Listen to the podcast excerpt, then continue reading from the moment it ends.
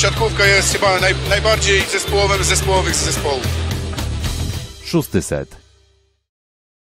To co? To można się już niepokoić, czy nie można się niepokoić? E, widzicie już naszą grafikę na otwarcie, na otwarcie naszego live'a i chyba wszyscy spodziewaliśmy się, że ten nasz live e, niedzielny będzie w zdecydowanie bardziej pogodnych nastrojach, a wygląda na to, że jeżeli nie poprawiliście sobie humoru od soboty, od okolic godziny 15, e, czy procentami, czy czymkolwiek innym, no to możecie w tym smutku zostać, dlatego że ten start reprezentacji Polski na Igrzyskach Olimpijskich zdecydowanie nie był taki, jaki my wróżyliśmy, ale też i chyba nikt nie mógł sobie wywróżyć tego, że Iran sprawi nam aż takie problemy i no i właśnie, i sprawi nam aż takie problemy i mm, z, wleje trochę w nasze serca zwątpienia co do dalszego przebiegu Igrzysk Olimpijskich, bo mm, nie chcemy wyciągać wniosków tylko i wyłącznie na podstawie jednego meczu, ale jeżeli kolejny mecz, jutrzejszy mecz z Włochami będzie meczem tak samo no nieudanym, no bo chyba ten mecz z Iranem można nazwać mianem nieudanego,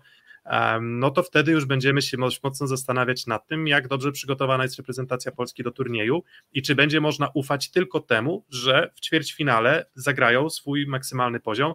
No ale my o tym wszystkim oczywiście opowiemy. E, dzisiaj bez Kuby, Piotrek, jak widzicie na ekranie, tym tytułem wstępu, no i Filip. I bez kota. I bez kota tak. jeszcze. Tak. Cześć, z Rzeszowa Filip Korfanty. Dobry wieczór. No właśnie, i teraz już kilka komentarzy na czacie. Um, Pierwszy, można się niepokoić, dziękuję, zamknąłem audycję na dziś. E, Dzięki, Dalej. dobranoc. Kompromitacja, kompromitacja na początek, nie bójmy się tego słowa, nie chodzi tu nawet o wynik, tylko o styl i brak wielkich perspektyw na jego poprawę. No jest źle, panowie, no jest drugi rabin Kamil, który mówi, że nie ma co panikować, nie roznieśli nas do 15, a przegraliśmy w pięciu bardzo długich setach i poza tym Iran zagrał naprawdę dobry mecz. No i właśnie, Filip, gdzie jest prawda? Mm, gdzie jest prawda tego meczu z Iranem? Gdzie jest prawda polskiej reprezentacji po tym pierwszym meczu Igrzysk? Myślę, że nie ma się jeszcze co niepokoić, dlatego że jak powiedziałem w poprzednim odcinku, moim zdaniem naszym celem na fazę grupową jest uniknięcie Brazylii w ćwierćfinale i nadal gdyby się przytrafiło, że wygramy z Włochami, to będziemy mieć realne szanse na zajęcie pierwszego miejsca w naszej grupie i to w dużej mierze powinno dać nam właśnie osiągnięcie tego celu w postaci uniknięcia Brazylii. Kwestia będzie tego meczu z Włochami jutrzejszego. Jeżeli go też przegramy, to wtedy już rzeczywiście będę zaniepokojony. Po pierwsze, to nie będzie chyba świadczyło już o tym, że jesteśmy w dobrej formie, a po drugie, że tak nam się sytuacja bardzo skomplikuje e, grupowa, bo właściwie to będzie już niemożliwe, żeby zająć pierwsze miejsce e, w grupie. No i tak, no tak jak powiedziałem, mm, ja jestem zawodu analitykiem, ja dość mocno wierzę w statystykę, wiem też, że ten jeden mecz to jest trochę za mała próba, żeby wyciągać daleko idące wnioski, e, dlatego, że my nie jesteśmy pierwszą drużyną, która źle otworzyła igrzyska i nie jesteśmy też pierwszą drużyną, która potencjalnie nawet po nieudanej fazie grupowej może spokojnie walczyć dalej o, e, o wysokie cele. Mm, problem, jaki ja widzę w trakcie meczu z Iranem, czy powiedzmy problem, jaki widziałem przez cały czas, jest taki, że na ten moment nie widzę specjalnej poprawy w grze Polski w porównaniu do tego, co ten skład prezentował w Lidze Narodów. Czyli dalej, jak narzekaliśmy na Fabiana Drzyzgę, tak dalej narzekamy na Fabiana Drzyzgę.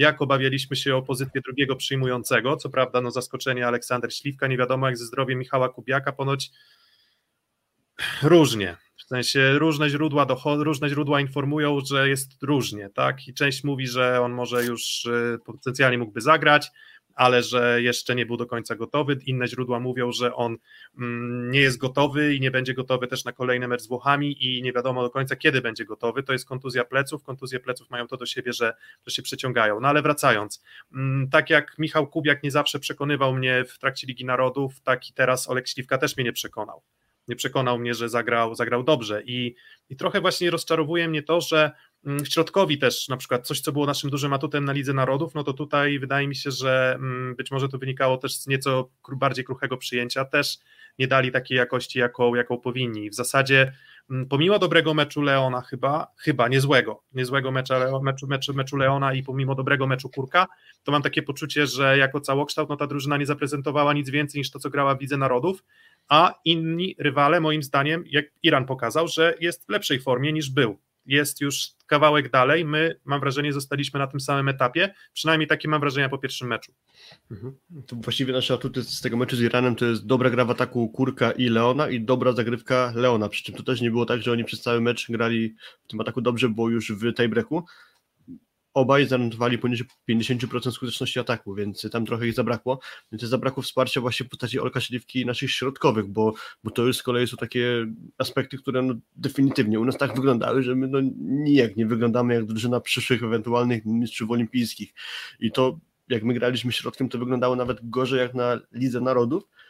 No i mój wniosek generalnie jest taki, że chyba najwięcej do zarzucenia miałbym wobec naszego rozgrywającego, bo to jak nas Irańczycy kapitalnie czytali, to mocno nam komplikowało grę.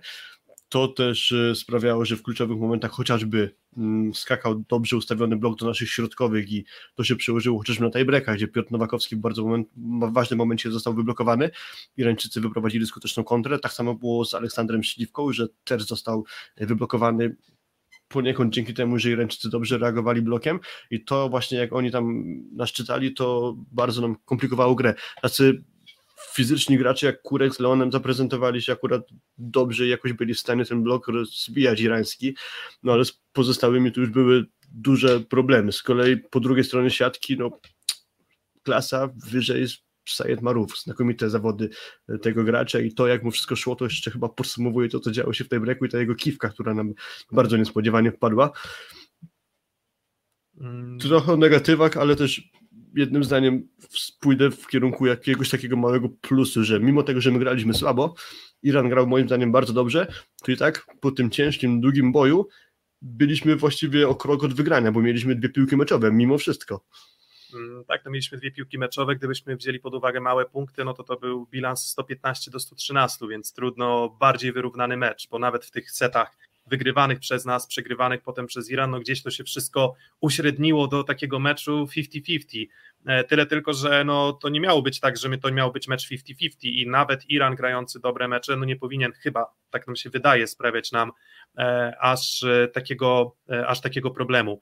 Mm, to, co ja widziałem w naszej reprezentacji, poza tym, że, mm, że, że moglibyśmy personalnie mówić, że no Fabian Drzyzga, który, e, który, który pamiętam, nie wiem, czy przypominasz sobie, tam padały porównania Mistrzostwa Europy w 2017 roku. E, nie wiem, nie wiem, czy pamiętasz, to turniej za Fefego de, Fefe de, de Giorgiego. Nie wiem, czy mm. pamiętasz. No pamiętam, ale znaczy, nie wiem, do czego konkretnie zmierzasz. I porównania, porównania były takie, że tam wtedy też strasznie męczyliśmy się w ofensywie, że, że gdzieś właśnie było widoczne, że pomimo no, dość przyzwoitego przyjęcia, wtedy Fabian Drzyzga mm, nie był w stanie rozrzucać bloku. I to jest właśnie paradoks rozgrywających, no bo tak, to jest zawodnik, który grał w Lokomotywie Nowosybirsk w, na najwyższym poziomie w lidze rosyjskiej, prawda, więc on tam był, pałętał się w okolicach pierwszego miejsca. No był kapitanem i też wygrał Mistrzostwo Rosji. No, tak, więc tak, e, wygrał Mistrzostwa, Mistrzostwo Świata, e, wygrał Mm, on był liderem Resowi, która tam w tym powiedzmy tam 2000, w okolicach tam lat 2010. Tak, był w finale Ligi Mistrzów z Berlinem, chociażby w tak, Berlinie. Więc, więc to nie jest tak, że nie da się wokół, wokół Fabiana Drzyzgi zbudować, e, zbudować drużyny na, na wysokim poziomie, no ale ewidentnie w tym momencie coś tu, coś tu nie gra. Te piłki z Leonem, tak, to to jak ja słyszę, że za każdym razem wina jest stawiana na, e, na, na, na, na Leona, że on za wcześnie poszedł, za wcześnie poszedł, za wysoko poszedł, e, no to ja się zastanawiam, no to, no to mimo wszystko rozgrywający powinien wyczuwać intencje swoich zawodników, tak? A, a mam wrażenie, że też trochę może za dużo było gry czasem zbyt przyspieszonej, tak? E, czyli Chociaż za... ja uważam, że jednak z czasem zrobiliśmy jako zespół właśnie postęp na tej linii rozegrania Drzyzga-Leon, że jednak Leon już trochę lepiej funkcjonuje pod Drzyzgą. Mm, tak, no ale w tym meczu, w tym meczu to aż tak mocno, to tak, aż tak mocno nie wyszło. Mm. Przy czym no, Leon jednak grał dobrze w ataku, no to tak krótko mówiąc. Więc tu tak, akurat taki no, jeden z mniejszych problemów. Tak, jeden tak, jeden z mniejszych problemów. No co do dużych problemów, no to też mm, naszym atutem bardzo mocnym była właśnie relacja blok-obrona a zawsze, tak? W sensie w zasadzie od początku postawy, od początku posady Witala Heinena, gdy, ob, gdy objął pozycję trenera reprezentacji Polski, no to można powiedzieć, że były rzeczy, które zgrzytały, tak? mogło trochę zgrzytać przyjęcie, mogło trochę zgrzytać ofensywa, czasem mieliśmy problem z prawym skrzydłem, mm, nawet wspominając te Mistrzostwa Świata 2018, no to tam przecież Kurek nie grał dobrze przez większość okresu przygotowawczego i nie grał dobrze też w trakcie turnieju, aż w końcu zaczął grać fenomenalnie. Mm, no i jak na razie ten pierwszy mecz e, zobaczymy, jak będzie jutro w meczu z Włochami, o których też oczywiście opowiemy Wam, e, wam, nieco więcej, no na tyle, na ile oczywiście e, jesteśmy w stanie przedstawić Wam ciekawe informacje o tym, jak ci Włosi zagrali z Kanadą, no i oczywiście jak tam się prezentowali w, mm, w sezonie ligowym. Ale mm, jak na razie wygląda trochę na to, że musimy liczyć, że ta drużyna będzie się budowała z meczu na mecz. E, nie możemy liczyć na to, że taką grą będziemy w stanie coś ugrać, no bo ta, z taką grą i złym losowaniem w ćwierćfinale wracamy do domu w ćwierćfinale właśnie, czyli wracamy dwa dni po fazie grupowej, rozgrywamy mecz i, i myślę, że szczególnie gdy widziałem na przykład Stany Zjednoczone, tak, które, z którymi, pod które mogą być naszym potencjalnym rywalem, no to trafienie na tak naładowane Stany może być dla nas, y, może być dla nas ciosem i może być dla nas bardzo trudne. Mm, a jeszcze inną taką rzeczą, która troszeczkę mnie mm, niepokoi, to jest też to, że tam, nie wiem, Sara Kalisz na Twitterze napisała, że, że obserwując trening, no Vital Heinen poszedł w takie stony dość mocno alarmujące, mm, motywujące, takie bojowe, zaczepne, jakby próbował pobudzić swoją drużynę. I trochę mnie to zaskakuje, zaskakuje, bo tyle się mówiło o tym, że będziemy perfekcyjnie przygotowani mentalnie, a tutaj na drugim mecz, na drugim, na pierwszym treningu po przegranym pierwszym meczu Vital Heinen wychodzi i nagle no, musi odwoływać się do trochę takich mm, agresywnych e, przemów i, i, do motywacji, no też może, nie wiem, czy opartej tylko i wyłącznie na, na, na słowach pozytywnych, więc no, chyba nie tego się spodziewaliśmy.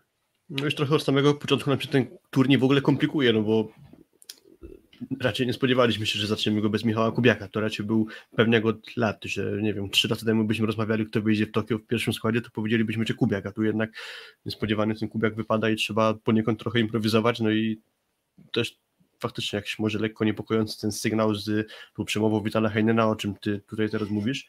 Ja sobie też poczytałem trochę wypowiedzi pomeczowych e, właśnie z naszych, z rozmów z naszymi reprezentantami tam raczej nie ma jakiejś paniki, tylko uspokajanie, że to jest w ogóle pierwszy mecz, że, to nie ma takiego znaczenia, że się kubeł zimnej wody przyda i tak dalej. Mm, I też między innymi chyba Fabian Żyzga wspomniał o tym, że Polacy są takim zespołem, że wchodzi w turniej może trochę z czasem. To nie jest tak, że Polacy już olśniewają od pierwszego spotkania. I faktycznie jak się przyjrzy niektórym historiom turniejów, no to, to rzeczywiście to się potwierdza. W ogóle to na igrzyskach często jest tak, że ci, co później zdobywają medale, raczej niezbyt dobrze startują, więc tu akurat historia też stoi po naszej stronie. Brazylia chociażby w Rio, grając turniej u siebie, wyszła z grupy dopiero na czwartym miejscu, rzutem na taśmę ogrywając Francuzów, a jednak byli w stanie sięgnąć po złoto. Rosjanie w Londynie na start przegrali 0 do 3 z Brazylią, a w finale ich ograli po tej breku pamiętamy pewnie ten finał bardzo dobrze. Amerykanie w Rio przegrali na otwarcie z Kanadą, a skończyli z medalem. Także to jest tak, że jeżeli my kiepsko gramy na początek, to jeszcze nie musi niczego oznaczać. Mówiliśmy przedtem jeszcze o Fabianie Drzydze, ja jeszcze tylko takie jedno zdanie, bo mi się w ogóle wydaje, że to jest zawodnik, który jeśli zespołowi dobrze idzie, to Fabian dobrze wygląda. Jeśli zespół wygląda kiepsko, czyli ci pozostali wszyscy zawodnicy, to Fabian się trochę do nich dostosowuje, na zasadzie takiego trochę kameleona. I tu chyba tak było, że jako zespół nie wyglądaliśmy dobrze i też Fabian Żyzga nie potrafił nas za te uszy trochę podciągnąć, tak jak to chociażby robił no, Marów, który mnie oczarował w tym meczu. Mm, no tak, e, brakowało ci wejścia Grzegorza Łomacza na pewnym etapie? W sensie miałeś... Tak, tak, tak, tak, tak, zdecydowanie, zdecydowanie. Próbował Wital wiele, no Próbował Wital wiele, bo i wchodził Semeniuk, wchodził Nowakowski, później e, wracał do pary Nowakowski-Bieniek, bo najpierw Nowakowski przed Zabienka i grał z Kochanowskim.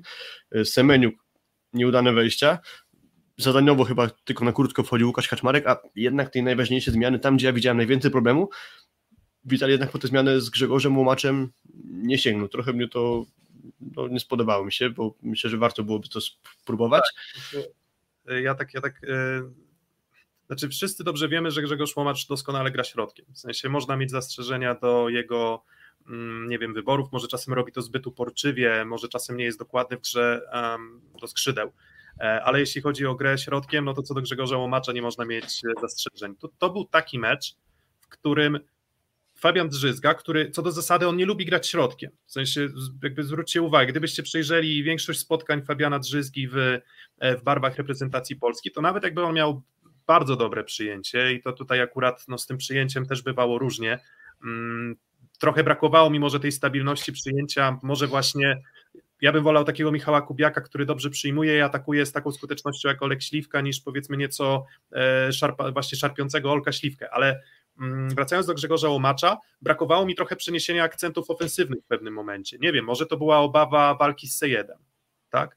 E, może środkowi też nie mieli swojego dnia, bo też ewidentnie wyglądali i Kuba Kochanowski i Mateusz Bieniek wyglądali jakby byli jednak odrobinę pod, e, pod taką swoją optymalną formą fizyczną, ale tych akcenty, te akcenty w zasadzie się nie zmieniały, tak? Przez, przez, cały, przez cały mecz graliśmy tak samo, no i jak nam to wychodziło, jak Irańczycy odrobinę słabli, no to, to my wtedy wychodziliśmy na prowadzenie, jak Irańczycy wchodzili na swój wyższy poziom, no to wtedy, e, wtedy to nam nie wystarczało i dlatego właśnie ten, te, te, te zmiany Grzegorza Łomacza, mm, to, że on jest słabszy, właśnie ten komentarz, że może on jest słabszy w overallu niż Drzyzga, ale czasem nie, nie chodzi o to, żeby zawodnik był lepszy jako cały, tylko żeby akurat w tym konkretnym meczu, w tej konkretnej e, układance, mm, układance rywala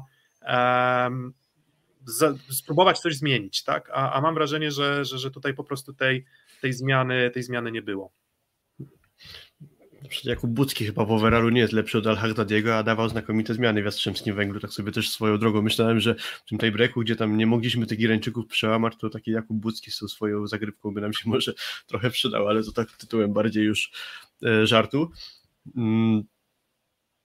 Jeszcze w kontekście tiebreaka, no to zabrakło nam tam na, na, pewno lidera, no bo i Kurek przestał grać, przestał grać y, Leon, czyli tam poniżej 50% w ataku, no i właśnie co miał wtedy zrobić Fabian Szyska, może wtedy właśnie należałoby zmienić, no bo ile razy szły wystawy na środek, to Irańczycy tam byli, czekali, radzili sobie, Aleksander Śliwka też nie za bardzo sobie radził, to nawet na dystansie całego meczu zabrakło mi jakiegoś takiego impulsu, takiego niestandardowego rozwiązania w postaci właśnie jakiejś zmiany Witala Heinena. Co do... Tak, bo on, Vital, Vital robił dużo zmian takich pojedynczych, w sensie na zagrywce próbował jednego zawodnika, drugiego gdzieś tam na, na podwyższenie bloku, e, ale, ale jeżeli chodzi o danie szansy na dłuższym dystansie, no to, no to faktycznie, faktycznie raczej raczej tego mm, nie próbował. Dobre pytanie jest tutaj na czacie, czy nie macie wrażenia, że Armia Skędzierzyna wygląda tak jak w finałowych meczach z Jastrzębiem? I no i faktycznie, faktycznie trochę, trochę tak to wygląda, że Mm, że być może oni nie byli w stanie, od... nie wiem, mam nadzieję, że tak nie jest, tak, ale tutaj faktycznie też komentarze, że nie mieli chwili oddechu po sezonie ligowym.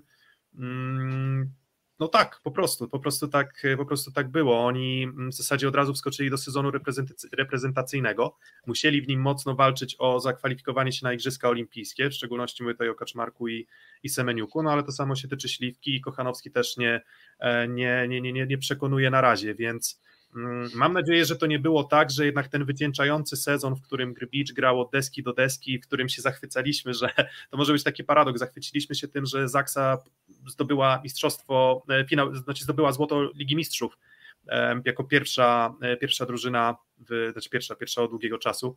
Mm, no to, to może być paradoks, że wygramy, wygraliśmy w siatkówce klubowej, ale to wszystko może mieć jednak swój negatywny wpływ na reprezentację, no i jednak na Tokio, które było ważniejsze.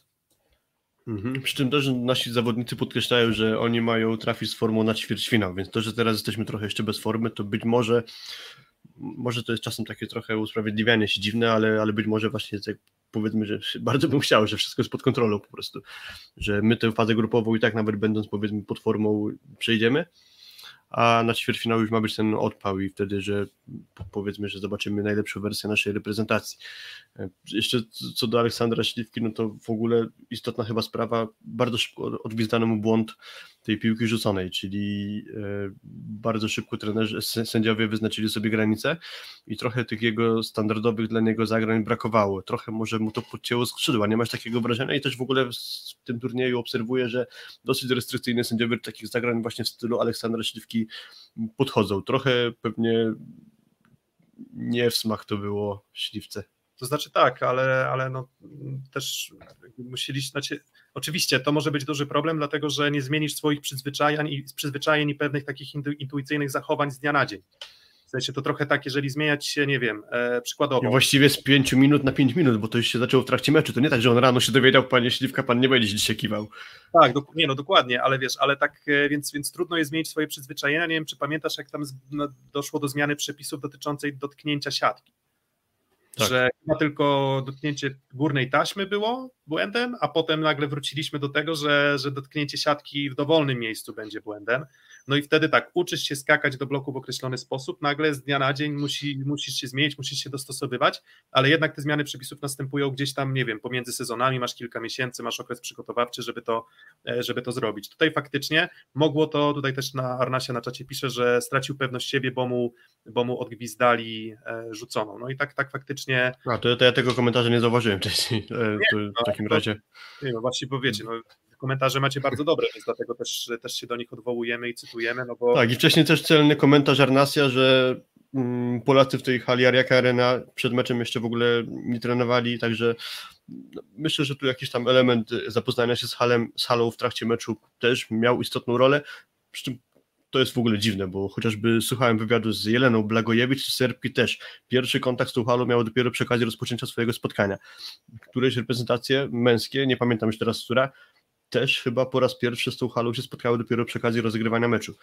To tak chyba nie powinno moim zdaniem być, a, ale ponoć sama hala jest przyjazna do grania, że nie ma tam jakichś dziwnych świateł, które się rozpraszają, no ale to tak nawiasem. Tak, a Irańczycy trenowali? Bo to też pytanie kolejne, bo, bo tego y, tak... Nie wiem, szczerze mówiąc nie wiem. Nie wiem.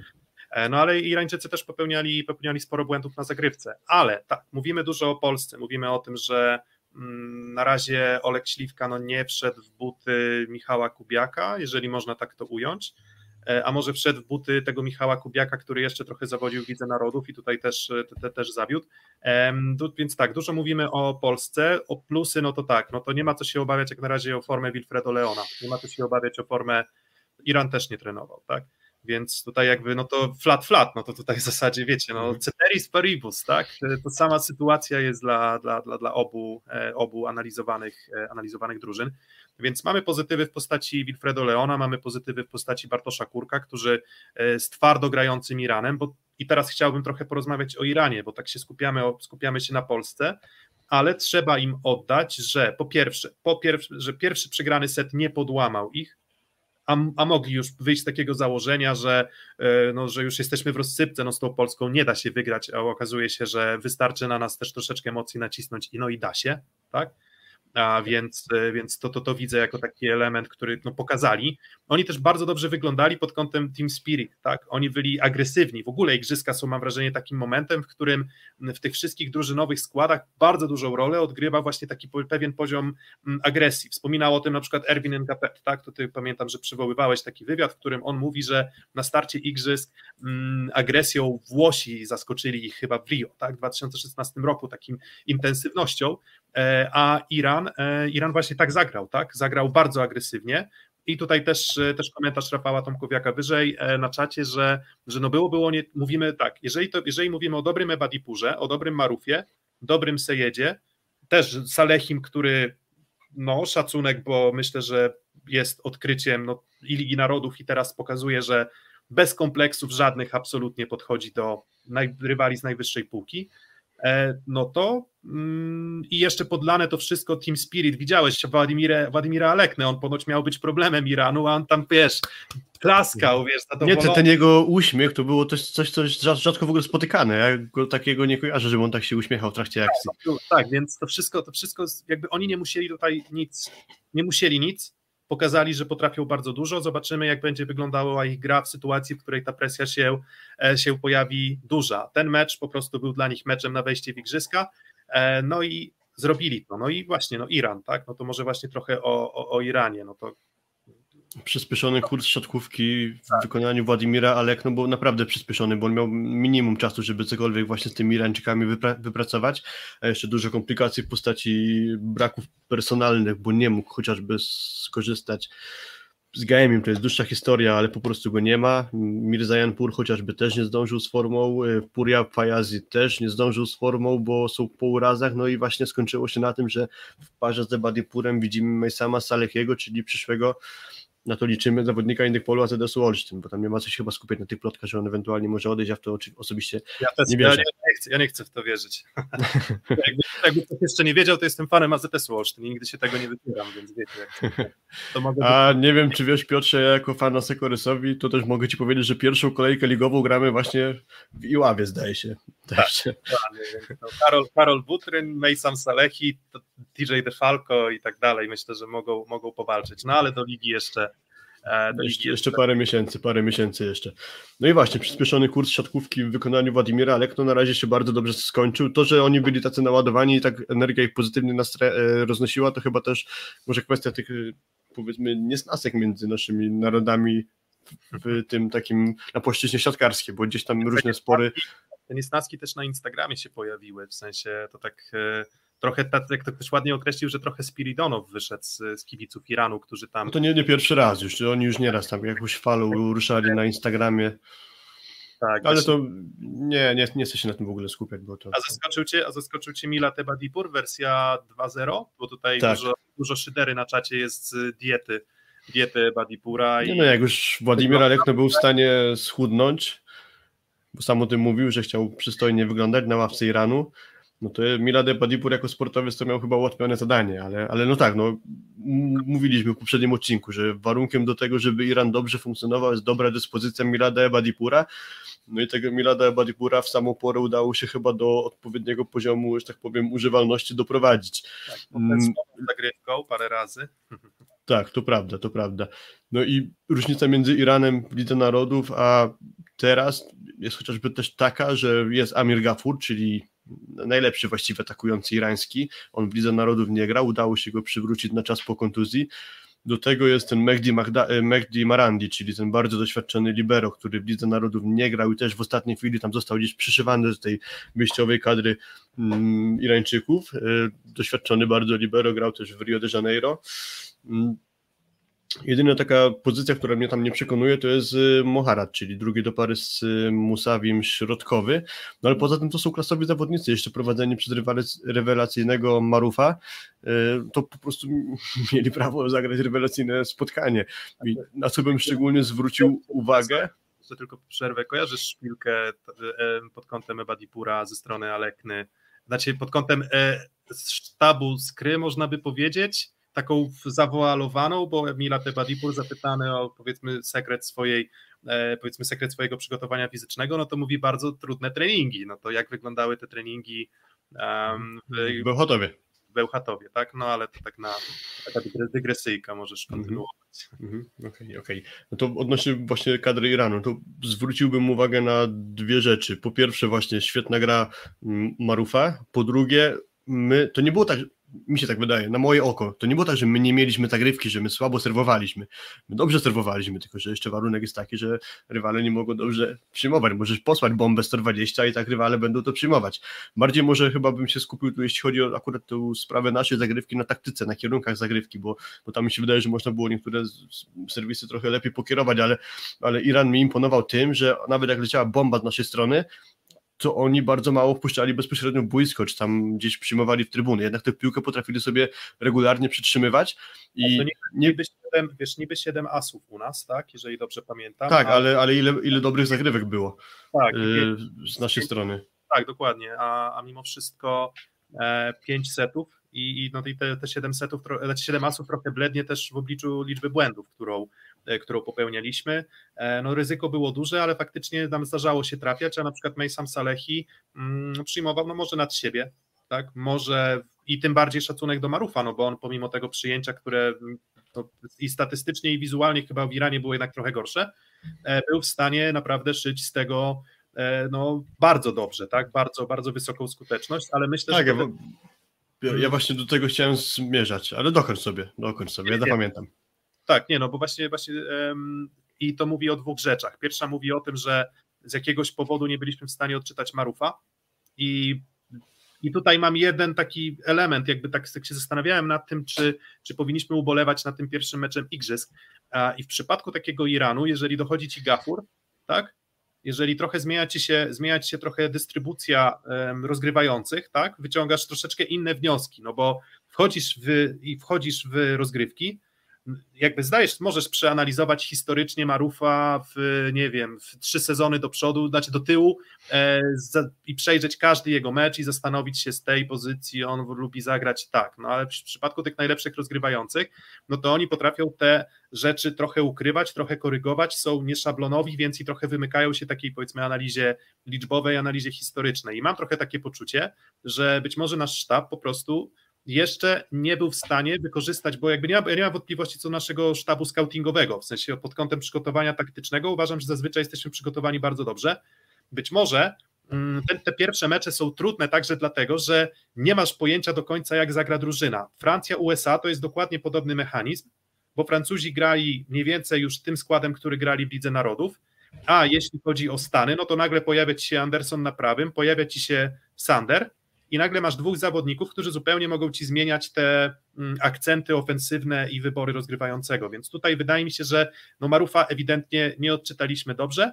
To nie zmienia faktu, że z każdym kolejnym meczem będzie pojawiać się materiał do tej analizy, tak? Więc im dalej w las, to tak trochę tak jak w Plus Lidze, pierwsze kolejki są pełne niespodzianek, a dalej już faworyci zaczynają rozumieć, jak grają poszczególne drużyny, poszczególni rozgrywający. Mhm, no dokładnie, czyli to, to, wejście do szóstki Gafura mogło tutaj sporo zmienić w dystrybucji właśnie Iranu. Nie wiemy, czy nie wiem, na kontrze Marów będzie wystawiał do, do Gafura, czy raczej będzie szukał lewego, czy może nie wiem, czy jeżeli ma perfekcyjne przyjęcie pod prawą antenkę, to wystawia do Gafura, czy nie wystawia do Gafura. Na takie sytuacje nie bardzo był czas się przygotować. Irańczycy nie grali od 2019 roku w siatkówkę oprócz Ligi Narodów, tak jak zresztą pozostałe reprezentacje. Zmienił się trener, zmieniła się wizja tego zespołu i tu rzeczywiście to mogło mieć chyba jakieś znaczenie i, nam to dodatkowo komplikowało sprawę. A u nas, a u nas sprawa była jasna. No, wszyscy wiedzieli, już, wszyscy już w całej Lidze Narodów byli w stanie odczytać to, w jaki sposób Drzyzga podejmuje decyzje przy rozegraniu. Mniej więcej. Dokładnie, tak? tak. Y, bo Kurek już grał dużo z Kurkiem, grał dużo z Leonem, grał z Kubiakiem, którego tutaj nie było, no ale, ale okazało się, że też byli przygotowani na, e, na lewą rękę śliwki, byli przygotowani na środku, więc tutaj mam wrażenie, że to był jeden z tych elementów, który sprawił, że po prostu e, nie byliśmy w stanie z Iranem nawiązać, znaczy czy nawiązać, byliśmy w stanie nawiązać walkę, ale nie byliśmy w stanie ich ograć pewniej, czy w ogóle ograć, po prostu wygrać, tak? E, pytania, Dobra, mów, mów, mów I tu jednocześnie mała moja obawa już o Włochach jeszcze będziemy mówić, ale w kontekście tego jutrzejszego naszego spotkania z Włochami, bo tam z kolei jest Micheletto, którego znamy z Trentino, znamy go z gry w Lidze Narodów, ale teraz ten sam Micheletto zostanie wpasowany w zupełnie inny zespół, gdzie jest Juan Terena, gdzie jest Zajcew, gdzie jest Gianelli i my też nie wiemy, jak ten Micheletto zostanie wykorzystywany. My się możemy przygotować na jego charakterysty charakterystykę ataku, no ale sama charakterystyka ataku to nie jest wszystko, jeszcze odpowiednio mm, reagowanie do wystaw Gianellego właśnie do Micheletto. Też nie wiemy, czy na przykład na wysokiej piłce Micheletto w danej sytuacji będzie dostawał piłkę, czy jednak będzie wtedy piłka szła do Zajcewa, czy do Juan Tereny. W Lidze Narodów to musiało wyglądać zupełnie inaczej, więc to jest taka komplikacja. Akurat Micheletto tym meczem mm, z Kanadą pokazał, że jest w rewelacyjnej dyspozycji właściwie kontynuuje świetny sezon tak, kadrowy. Wybitny, tak jakby to powiedział tam chyba Lineker o kapustce po Euro, znaczy w trakcie Euro 2016, że jest mm -hmm. deliciously talented. No to właśnie e, właśnie mam wrażenie, że Micheletto też jest, jest no, bardzo utalentowany, bo, bo łączy sprawność fizyczną też z wysokim wzrostem, bardzo dobrymi warunkami fizycznymi, lewą ręką, więc tam jest wiele elementów. Tutaj pytanie właśnie jeszcze, ok, do mnie bezpośrednio, że rozczytali nas, ale czy my skutecznością ataku przegraliśmy mecz? No to właśnie chodzi o to, że e, my nie rozczytaliśmy Iranu bardziej, tak bym powiedział, tak? W sensie, że, że Iran był skuteczniejszy, dlatego że nie rozczytaliśmy odpowiednio ich gry i dlatego przegraliśmy, bo my pewnie naszą skuteczność ataku utrzymaliśmy pomimo tego, że Iran nas rozczytywał, ale wydaje mi się, że skuteczność ataku Iranu, liczba bloków, liczba obron, to wszystko, to wszystko po prostu wyglądało gorzej niż, niż pewnie normalnie w przypadku w przypadku naszej drużyny. E, no właśnie. Chciałem ale... wrócić do jednej sprawy, więc pozwolisz, że teraz wrócę, bo nie chciałem Ci już przedtem przerywać, bo jeszcze odnośnie tego, jak Irańczycy przyjmowali. Po pierwsze uważam, że względnie mało piłek e, nam im wpadało bezpośrednio, a po drugie, tutaj chyba są moim zdaniem przekłamane statystyki przyjęcia. Nie chodzi mi o wartości, tylko o to, jak to przyjęcie w Iranie wyglądało i co z tego potrafił uszyć Marów, bo to nie były piłki dogrywane idealnie na taśmę, tylko jednak w większości spadały gdzieś w okolicy trzeciego, nawet czwartego metra. To było ogrom takich piłek i to ta statystyka to będzie, nie wiem, tak jak chyba tam wyszło, około 40% powiedzmy pozytywnego, ale Marufowi uważam, że to nie sprawiało problemu. On bardzo przyspieszał z tych piłek i przez to nie komplikowało to Irańczykom sytuacji, więc mimo, że wizualnie to ich przyjęcie nie wyglądało najlepiej, to jednak Marów z tego tak. potrafił po prostu wyciągać y, maksimum. Tak, tak wiesz, to jeszcze, jeszcze taka dygresja z mojej strony, że rozmawiałem ostatnio z, z jednym z trenerów, czy też powiedzmy elementów składów e, któreś z pewnej z drużyn plus ligi. No i tak zwróciłem uwagę, że 50% przyjęcia może znaczyć zupełnie dwie rzeczy. Bo możesz przyjąć 50% piłek na dziewiąty metr i to będzie 0% przyjęcia, i do tego dołożysz 50% przyjęć e, w okolice trzeciego metra. I to będzie 50% pozytywnego przyjęcia, a drugą piłkę dograłeś w okolice trzeciego metra. Ale możesz na przykład dograć 50% piłek na nos rozgrywającemu i możesz dograć 50% piłek na czwarty 4,5 metra od siatki i to już będzie przyjęcie negatywne i to będzie to samo 50% przyjęcia. Więc jak mhm. sobie patrzymy na te statystyki przyjęcia, no to czasem się zastanówmy nad tym, czy, czy, czy, czy, czy wizualnie to faktycznie się potwierdza, no bo na dłuższej mecie może i tak, e, ale no jeżeli e, inną rzeczą jest zmuszenie do odbicia piłki przez rozgrywającego na siódmym metrze, a innym faktycznie to, co mówiłeś na trzecim, czwartym, znaczy czwartym, powiedzmy piątym, gdy Marów musiał, a musiał walczyć e, z tymi piłkami, no i walczył bardzo skutecznie. No dobra, no to chyba to co, to tyle o tym meczu Polska-Iran, bo jeszcze pozytyw jaki widzę, i to też napisałem, napisałem na swoim Twitterze, jak coś zapraszam, P podkreśnik zlo i FLP man 7, to, to Filipa, P podkreśnik zlo, jak się domyślacie, pewnie mój. Mm, no to ja się cieszę, że my od początku jakby dostaliśmy e, powiedzmy kupeł zimnej wody na głowę, i od początku musieliśmy zmagać się z rywalem trudnym. Od początku musieliśmy zmierzyć się z rywalem, który pokazał, że ta agresja jest i to się nic samo nie zrobi, nic się samo nie wygra. Ja miałem trochę takie obawy w kontekście naszej fazy grupowej, że to pójdzie za gładko. Ale jak już widzimy, pierwszy mecz nie poszedł gładko, zobaczymy jak będzie, jak będzie dalej ale musimy być przygotowani na twardą rąbankę, na twardą rywalizację i cieszę się, że to się wydarzyło tu i teraz, niż gdyby faktycznie miało się wydarzyć dopiero w ćwierćfinale, tak, gdzie dopiero wtedy zderzylibyśmy się ze ścianą. Trochę kończąc już może ten wątek meczu z Iranem, to oglądając mecz USA Chciałem, że Amerykanie trochę wracają do tego, co robili w 2018 roku, czyli że prują niesamowicie zagrywką i tak sobie pomyślałem, że gdyby nam przyszło z nimi grać, w ewentualnym ćwierćfinale, to właśnie ten mecz z Iranem był taki, że Irańczycy wywierali dużą presję zagrywką, mm, tukli te swoje bomby, no niektóre niesamowite, a jednak nam tylko chyba trzy piłki wpadły bezpośrednio, czyli zrobili trzy asy, więc, więc my jesteśmy dość trudni złamani, do złamania w przyjęciu i to nawet, że oni mieli w tiebreaku te ileś po kolei piłek meczowych, to my jednak przez te kilka akcji po kolei w bardzo ważnym momencie nie daliśmy się w przyjęciu złamać. My nie przegraliśmy tego meczu asem serwisowym tylko jednak piłki utrzymywaliśmy sobie w grze. Więc to jest taki dla mnie jeden z powiedzmy z pozytywów też tego, tego meczu. Hmm. Okej, okay, tutaj widzę, że tak, jeszcze jakiś komentarz a propos pływania zsynchronizowanego. a propos pięknego artystycznego show, no nie wiem, akurat nie, nie o tym rozmawiamy. E, dobra, mm. kończąc nigdy, tak, nigdy nie oglądałem pływania synchronicznego. Ja też, też oszczędzam, ale jeśli chodzi o, o, o Iran jeszcze, mm, Ostatnie, ostatnie zdanie. Czy Iran według... gra z Wenezuelą jutro. Tak, Iran gra z Wenezuelą o drugiej w nocy. Tak, i czy według Ciebie, znaczy tak, to, że z nami wygrali, prawdopodobnie daje im duży handicap w kontekście wyjścia do ćwierćfinału. W sensie pokonanie jednej drużyny z składu Japonia, Wenezuela w zasadzie daje im możliwość, natomiast jak poczuli krew, jak tutaj ktoś ładnie napisał, no to mm, gdzie jest ich maks? Bo ja się nie podejmuję oceny. Ja, ja uważam, że to jest za wcześnie, i uważam, że dopiero Marów będzie czytany i dopiero po drugim, trzecim, czwartym meczu, w sensie po tym, jak Iran zmierzy się z Kanadą, Włochami, dopiero wtedy będę w stanie, będę w stanie powiedzieć w jedną, w drugą stronę, bo teraz się po prostu nie podejmuję tego. Tak samo jak i nie uważam, że należy skreślać naszą reprezentację, no bo jeszcze, jeszcze dużo czasu. Dokładnie, tak, tak samo nie ma, nie ma co po prostu kogokolwiek skreślać, bo to jest pierwszy mecz, o którym tam mówiliśmy już przedtem, że niekoniecznie i jego wynik świadczy o tym, jaki się w dłuższej fali osiągnie wynik na igrzyskach. Także po prostu poczekajmy, pogadajmy sobie o tych meczach, ale jeszcze poczekajmy z jakimś ferowaniem tutaj rozstrzygnięć finalnych. Dobra, no to skoro, skoro tyle o meczu Polska-Iran, to teraz pytanie też może na czacie, czy najpierw chcecie Włochów, czyli przejrzymy, przejrzymy skład Włochów, zastanowimy się nad tym, jak występowali z Kanadą, czy może jednak, e, czy może jednak pójdziemy e, w kierunku innych spotkań, które się odbywały. e, czyli i z naszej grupy, i z grupy B, no bo tam też dużo niespodzianek było. Mm, to ty, Filip, jak uważasz? To zobaczymy, co czat. Ja bym zaczął od meczu z Włochami, bo nie wiadomo na ile tutaj się rozwiniemy, a też nie chcemy tutaj do północy gadać, żebyśmy do drugiej w nocy do Iranu z Wenezuelą skończyli naszą dyskusję, a, a te, te rozstrzygnięcia powiedzmy z grupy B to zawsze możemy sobie trochę skrócić. Dajemy makaroniarzy. Dobra, no to ten nasz, e, ten nasz układ, e, może na pełny ekran na razie damy ten skład Włochów, żeby był może odrobinę bardziej, e, bardziej czytelny, a zaraz nasze kamery oczywiście wrócą.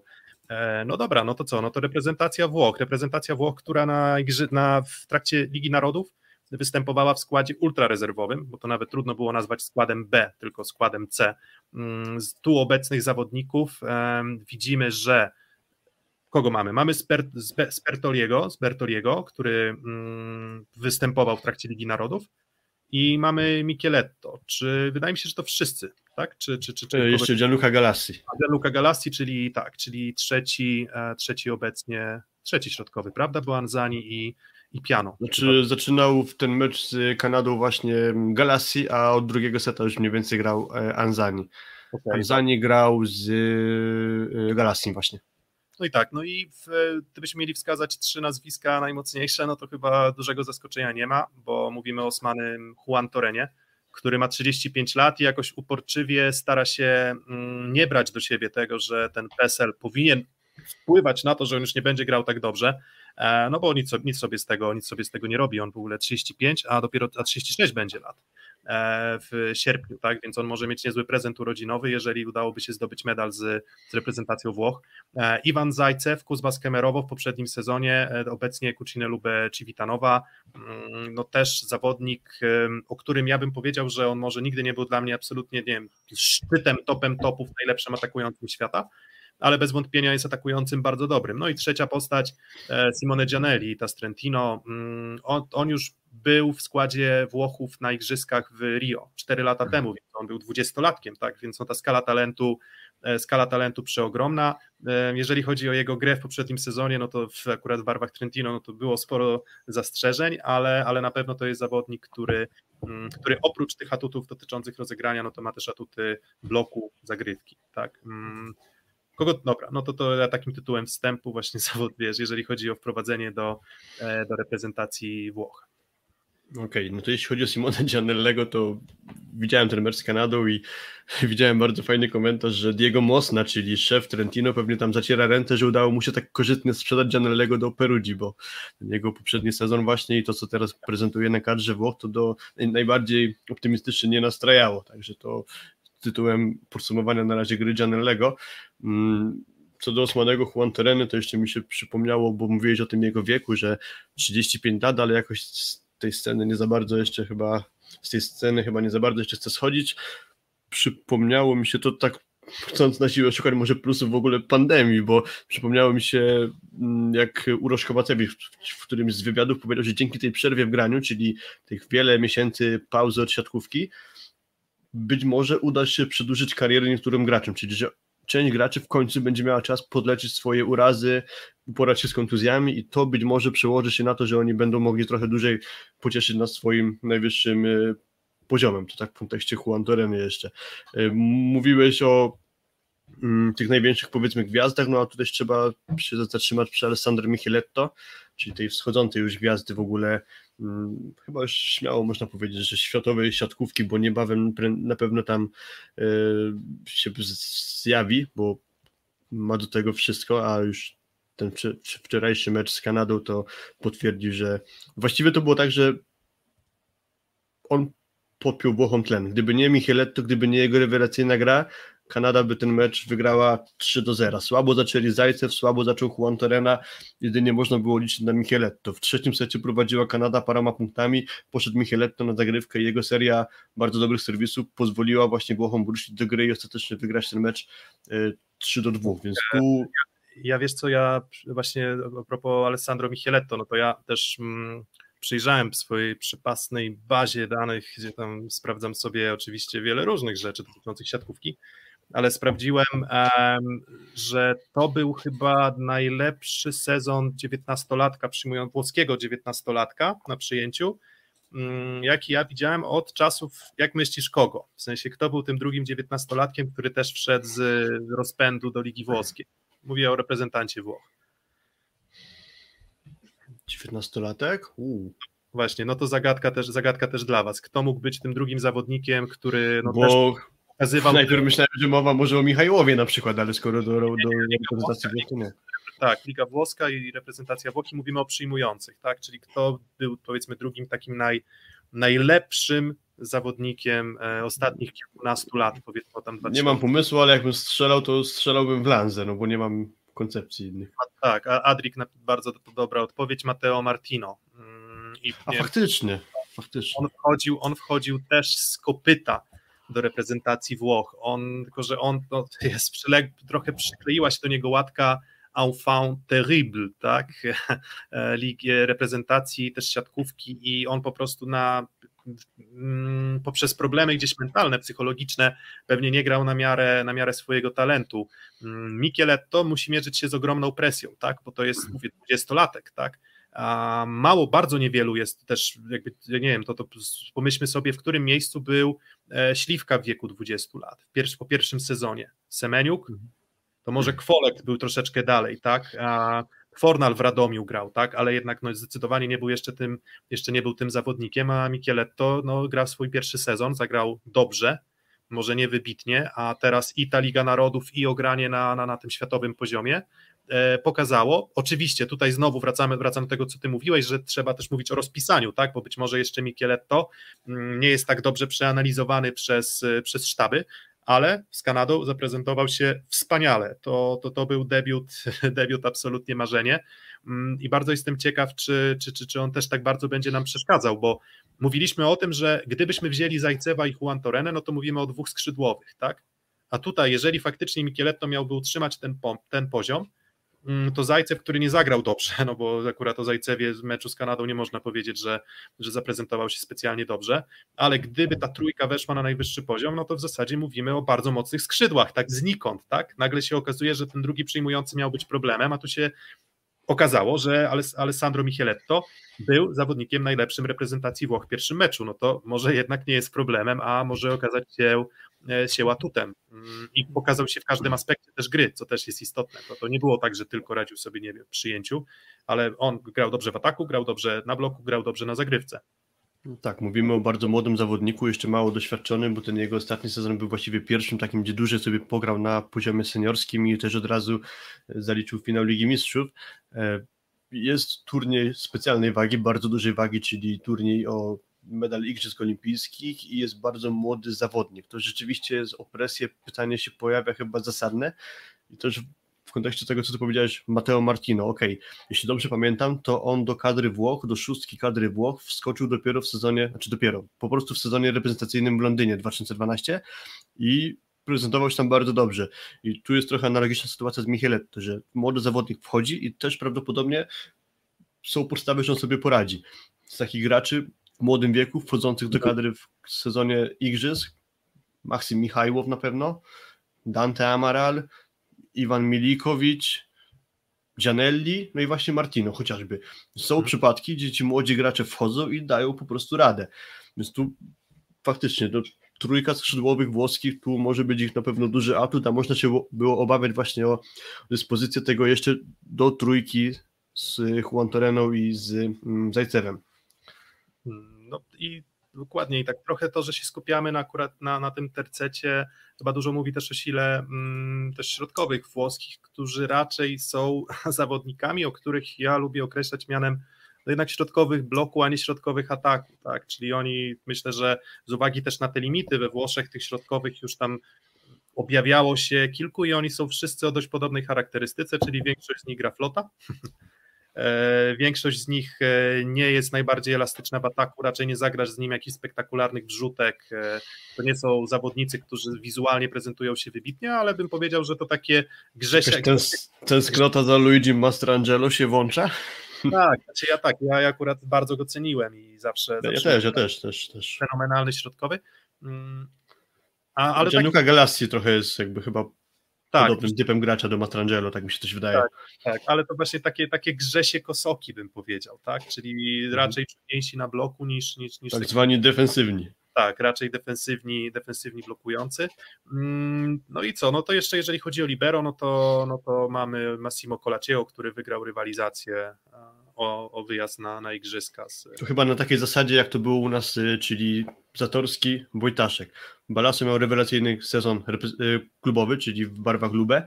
Większość jego widziała w roli właśnie tego faworyta do wyjazdu do Tokio, a jednak wygrała siła doświadczenia, czyli Blendini postanowił, postanowił wybrać tego bardziej doświadczonego. To chyba tak jak było w przypadku Zatorskiego i Wojtaszka, czyli że dużym atutem Pawła było to, że on już ma w swojej karierze rozegrane, jest przetestowany, jest przetestowany w tych najważniejszych meczach y, siatkarskich. Tu trochę tego Damianowi Wojtaszkowi jeszcze w kontekście Pawła brakuje. No analogiczna sytuacja chyba y, była w kadrze Włoch. I też trochę analogiczna sytuacja a, a propos Polaków i tak, takich charakterystycznych graczy. Rafał Buszek to jest moim zdaniem odpowiednik Iziego Kowarza w kadrze Włoch. Też chyba myślę, że mało kto się spodziewał tego, że Kowar, Kowar, Kowar, Kowarz, zależy jak kto woli, to właśnie czytanie jego nazwiska. W każdym razie chodzi o tego przyjmującego, który tam od lat w Lubę jest. Dziwne to jest trochę, tak patrząc z zewnątrz, że na Igrzyska Olimpijskie dostaje się facet, który wiele lat w kadrze Włoch nie grał, no i był po prostu rezerwowym swojego zespołu.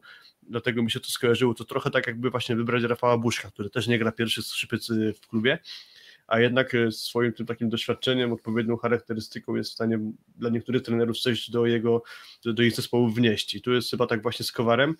Dodatkowy atut, no to atut, atut, Kowara, atut właśnie, że on się znalazł w kadrze, czyli Gian Lorenzo Blendini. Obaj panowie się dobrze znają, bo niedawno Blendini wygrał Mistrzostwo Włoch z Lubę i właśnie Kowar był podstawowym graczem tamtej drużyny. No i gdy Kowar wchodzi z ławki, no to można na niego liczyć chociażby ze względu na blok, a to, że on tyle siedzi na ławce, to niekoniecznie musi znaczyć, że jest tak słaby, co po prostu tak musi kierować swoją karierą, żeby ona odpowiednio długo trwała. On jest po dwóch zerwanych więzadłach w kolanie, w sensie dwukrotnie przeszyte kontuzje i być może sobie zdaje sprawę, że jeśli poszedłby do zespołu, gdzie byłby podstawowym graczem, to być może jego zdrowie po prostu nie pozwoliło, a tu jednak widać, że Blędzini mu zaufał i chyba wyszło na, na Kowara, bo bo pewnie nie jeden siatkarz chciałby się na igrzyskach znaleźć. Mm, A kto, jeśli nie Kowar, według Ciebie pojechałby na igrzyska? Mm, Polanca? Właśnie to jest ciekawe, że Lanza został skreślony i, i chyba się mu to bardzo nie spodobało, postanowił zakończyć reprezentacyjną karierę. No tak, myślałem, że będzie to Lanza, w sensie byłem właściwie przekonany, jeśli nie on, no to no to nie wiem, Oleg Antonow pewnie mi przychodzi do głowy. Nie, niewielu jest innych kandydatów. Tak, w zasadzie, w zasadzie albo. Ale to jest może trochę dyskusja już jakby drugotorowa, bo jednak Micheletto póki co daje radę i nie trzeba się martwić, kto ewentualnie u Włochów będzie się pojawiał na przyjęciu w parze z Juan Tereną. Dobra, e, małe portfolio Juan Toreny, tak, to też na, na moim Twitterze. Tak już mów, u nas są statystyki i są wykresy. No to mam nadzieję, że on będzie w miarę czytelny. Um, nie wiem jak z jakością, no ale tak czy inaczej będę opowiadał, co tu się dzieje, tak? No i teraz pytanie, czy Osmane Juan Torena się starzeje? E, Bo to jest jakby, to są wykresy, wykresy pod tym kątem i mm, od właśnie sezony 2015, 16, 17 i tak dalej, czyli rok po roku jak to wyglądało, no i faktycznie Osmane Juan Torena um, gra troszeczkę gorzej, tak? Czyli patrząc czysto statystycznie, no on te sezony swoje najmocniejsze miał 4 lata temu, 5 lat temu, tak? Czyli powiedzmy gdzieś ten 2016-17 rok, najwyższa skuteczność, e, najwyższa efektywność ataku, najlepsza zagrywka, najlepszy, najlepszy też e, no na bloku, no mniej więcej porównywalnie, no ale w każdym razie z punktu widzenia skuteczności ataku, e, no to jest jakiś tam drobny regres, ale jeżeli odniesiemy to do tej ciemniejszej linii, to ta ciemniejsza linia w przypadku ciemno, ciemno-niebieska, ciemnozielona, e, one mówią o średniej efektywności dla zawodników w danym sezonie, tak, czyli e, jak prezentowali się inni przyjmujący, no to Juan Torena, pomimo tego, że już nie jest aż takim geniuszem, jakim był, to cały czas prezentuje się ponadprzeciętnie, tak, i ten jego sezon 19-20 wyglądał nieco gorzej, ale odbił się i wrócił na poziom bardzo wysoki, Mm, no i być może właśnie tą motywacją jego, żeby doprowadzić się do tego powiedzmy najwyższego poziomu sportowego były również, e, były również igrzyska, Mm, więc e, Osmany Juan Torena jest troszeczkę słabszy, ale cały czas jest bardzo dobrym skrzydłowym, którego myślę, że większość reprezentacji wzięłaby, e, wzięłaby w ciemno. Z pocałowaniem ręki tak zwanym. Tak, ale zaskakujące jest to, ja myślałem, że Osman Juan Torena ma statystycznie lepszy blok, a tutaj wygląda na to, że mniej więcej się prezentuje tak w okolicach e, średniego wyniku dla swoich powiedzmy kolegów na, na przyjęciu, tak, gdzieś te 0,2, 0,3 bloku na set, to są tak, tak według mojej wiedzy najlepszej, to są takie wyniki, które są wynikami a, średnimi, tak, więc on się nieco starzeje, ale starzeje się tylko tylko troszkę. E, no i dobra, no i właśnie pytanie nasze, jak już przechodzimy do analizy, czyli e, co może być naszym największym atutem na tle Włochów? Pokażesz jeszcze Iwana Zajcewa, czy, czy omijamy? A mogę pokazać Zajcewa, w sumie też mam Zajcewa, więc w trochę Mhm. Chciał Piotrek pokazać Iwana Zajcewa, a nie ma ani Zajcewa, ani Piotrka teraz, ale mam nadzieję, że szybko sobie poradzi z powrotem do, do transmisji. Mm, odnośnie Iwana Zajcewa, to a dobra, poczekamy na Piotrka. Włosi mówił Gigi Kowar. No okej, okay, no to wiem o kim mówimy. Jesteś Piotrek, jesteś. jesteś. Jest. Dobra, tak, tak ten, ten Zajcew mi popsuł, ten, popsuł mi e, grafikę. Śmiałem się właśnie, że miał być Zajcew, a nie ma ani Zajcewa, ani ciebie. No dokładnie, ale teraz jest i Zajcew, jestem ja. Dobra, no i to jest mniej więcej ten sam wykres, czyli Iwan Cajcew i jego występy na dystansie ostatnich lat, tak? I co widzimy? No to widzimy, że on gdzieś tam oczywiście też jest zawodnikiem ponadprzeciętnym, mm, ale na tle innych atakujących w lidze włoskiej, no te pierwsze jego sezony, 15-16, bo ten poprzedni grał w lidze rosyjskiej, wszystkie pozostałe tyczą się ligi włoskiej, do której wraca, no to bez wątpienia jego, jego zagrywka jest bardzo dużym atutem, tak? Czyli, czyli co do tego nie ma wątpliwości, jemu zdarzało się wygrywać mecze mm, samą zagrywką. Natomiast jeśli chodzi o ofensywę, to nie jest taki absolutnie ścisły top, no bo dając punkt odniesienia, e, no to jeżeli chodzi na przykład efektywność ataku, no to Karol Butryn w poprzednim sezonie w Resowi potrafił zrobić 39% efektywności w ataku i około tam 53-4% skuteczności w ataku. Dużo zależy od zespołu, dużo zależy od tego, jakich kolegów ma obok, ale akurat Iwan Zajcew tych kolegów ma zazwyczaj dobrych, tak, więc to nie jest tak, że gra w słabych drużynach, a mimo to mm, nie ma tej skuteczności najwyższej. I ja też mam takie poczucie, że on popełnia dość dużo błędów, tak, czyli że on jest skutecznym zawodnikiem i on jest trochę taki, bym przyrównał charakterystyką odrobinę zachowując wszelkie proporcje, bo to nie znaczy, że ja powiem, że Michał Filip, bo o nim, o nim mi chodzi, to jest Iwan Zajcew, natomiast chodzi mi o pewien poziom rozchwiania, czyli Iwan Zajcew moim zdaniem potrafi wygrywać mecze, ale i myślę, że dość często potrafi mecze e, przegrywać.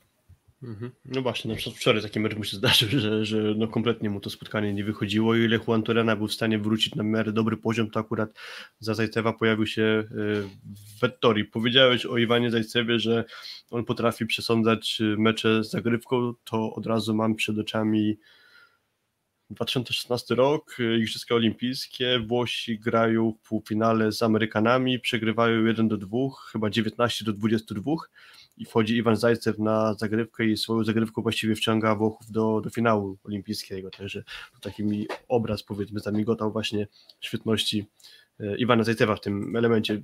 Na jego karierę też tak ogólnie mówiąc, wydaje mi się, że trochę mogło mieć wpływ to, że on po trochę sobie tam romansował z pozycją przyjmującego. Rzucanie na pozycjach mi się wydaje, że zawodnikom, jeżeli już mówimy o doszusowaniu takiego światowego poziomu najwyższego, to trochę chyba nie służy. Chociaż akurat w przypadku Bartka Kurka aż takich złych następstw granie jego na przyjęciu nie miało, bo na ataku się spisuje rewelacyjnie od dłuższego czasu tak, tylko że on już właśnie od pewnego czasu, jak już wszedł na tę pozycję atakującego, to tam gra, tak? A za już nie wracał, tak, tak, dokładnie. Miał więcej rotacji. Dobra, no to to pytanie na czacie Jack Crosby. Co może być naszym największym atutem na tle Włochów? E, no i właśnie, jak uważasz, co może być największym Trochę mamy przeciwstawne, że tak powiem, nie wiem, czy to dobrze nazwę, przeciwstawne jakby atuty powiedzmy, czyli dobrze grali Leon i Kurek, a z kolei Włochów słabo grali Juan Torena i, i Zajcew, czyli tu, jeżeli to w pewnym sensie zostanie przeniesione na jutrzejszy mecz, to będzie nasza duża przewaga, właśnie siła ognia na skrzydłach. Dalej uważam, że jeżeli by nasi środkowi zagrali na swoim normalnym poziomie, a sądzę, że gościa się zagrać już nie da, to jednak mamy dużą przewagę na środku. No i teraz kwestia tego, co zrobi z tego Fabian Życka. Jeżeli będzie mu chodziło w rozegraniu do skrzydła, tak jak to było z Iranem i dołoży dobrą grę na środku, to to moim zdaniem będą główne atuty, które mogą przesądzić o tym, że ten mecz wygramy. To teraz, no tak, ja Mm, no, myślę, że tradycyjnie no, naszym atutem... Czy powiedziałem, że mecz wygramy, ale nie jestem przekonany, że go wygramy, tak nawiasem. E, tak, e, ja myślę, że no, naszym atutem przede wszystkim na tle Włochów jest właśnie ta gra defensywna, gra na bloku. A, czyli, czyli wydaje mi się, że jednak jeżeli pomyślę sobie o, nie wiem, czy o zasięgu, czy o jakości bloku Wilfredo Leona, który też akurat bardzo dobry sezon zagrał pod tym względem w Perugii, tak, więc on, on jak na swoje warunki bardzo długo blokował przeciętnie, a w Perugii właśnie, właśnie zagrał dobry sezon. Jak sobie pomyślę o Bartku Kurku, jak sobie pomyślę o naszych środkowych, no to tego bloku potrzebujemy jak, e, jak tlenu?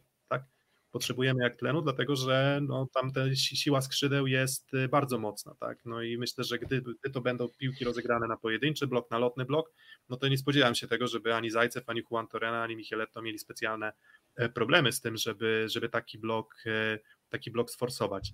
Mm, no i właśnie, jakie jeszcze dalej, e, dalej atuty? No to przede wszystkim właśnie, właśnie myślę, że, że, że, że blok, tak? Myślę, że jako, jako całość. Tyle tylko, że no ten Iran nie pokazał mi tego, że my jesteśmy jakoś świetnie przygotowani pod tym względem. No ale może to po prostu były pierwsze śliwki robaczywki. Wiesz, tak? Iran chwaliliśmy Marufa, a z kolei ganiony był za ten mecz wczorajszy z Kanadą Gianelli, więc tutaj bym szukał takich y, jaskółek, które mogą nam, nam tę wiosnę uczynić właśnie w meczu z Włochami. Właśnie, a kto jest lepszy, Iran czy Kanada? To też właśnie lubię, lubię te pytania z czatu, bo pobudzają, pobudzają nas do myślenia. A lepszy jest Azerbejdżan czy Norwegia? No, no, Norwegia, do tego nie mam wątpliwości.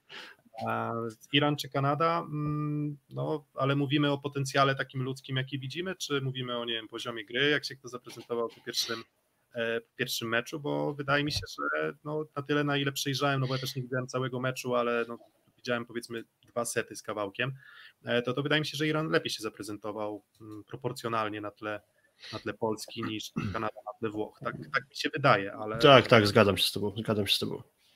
A, więc tylko, że to nie znaczy, że to jest max, tak? Jakby, jakby to, to nie chodzi o to, że, że ja oceniam w tym momencie max tego, która drużyna jest lepsza, czy ma lepszy potencjał e, zespołowy.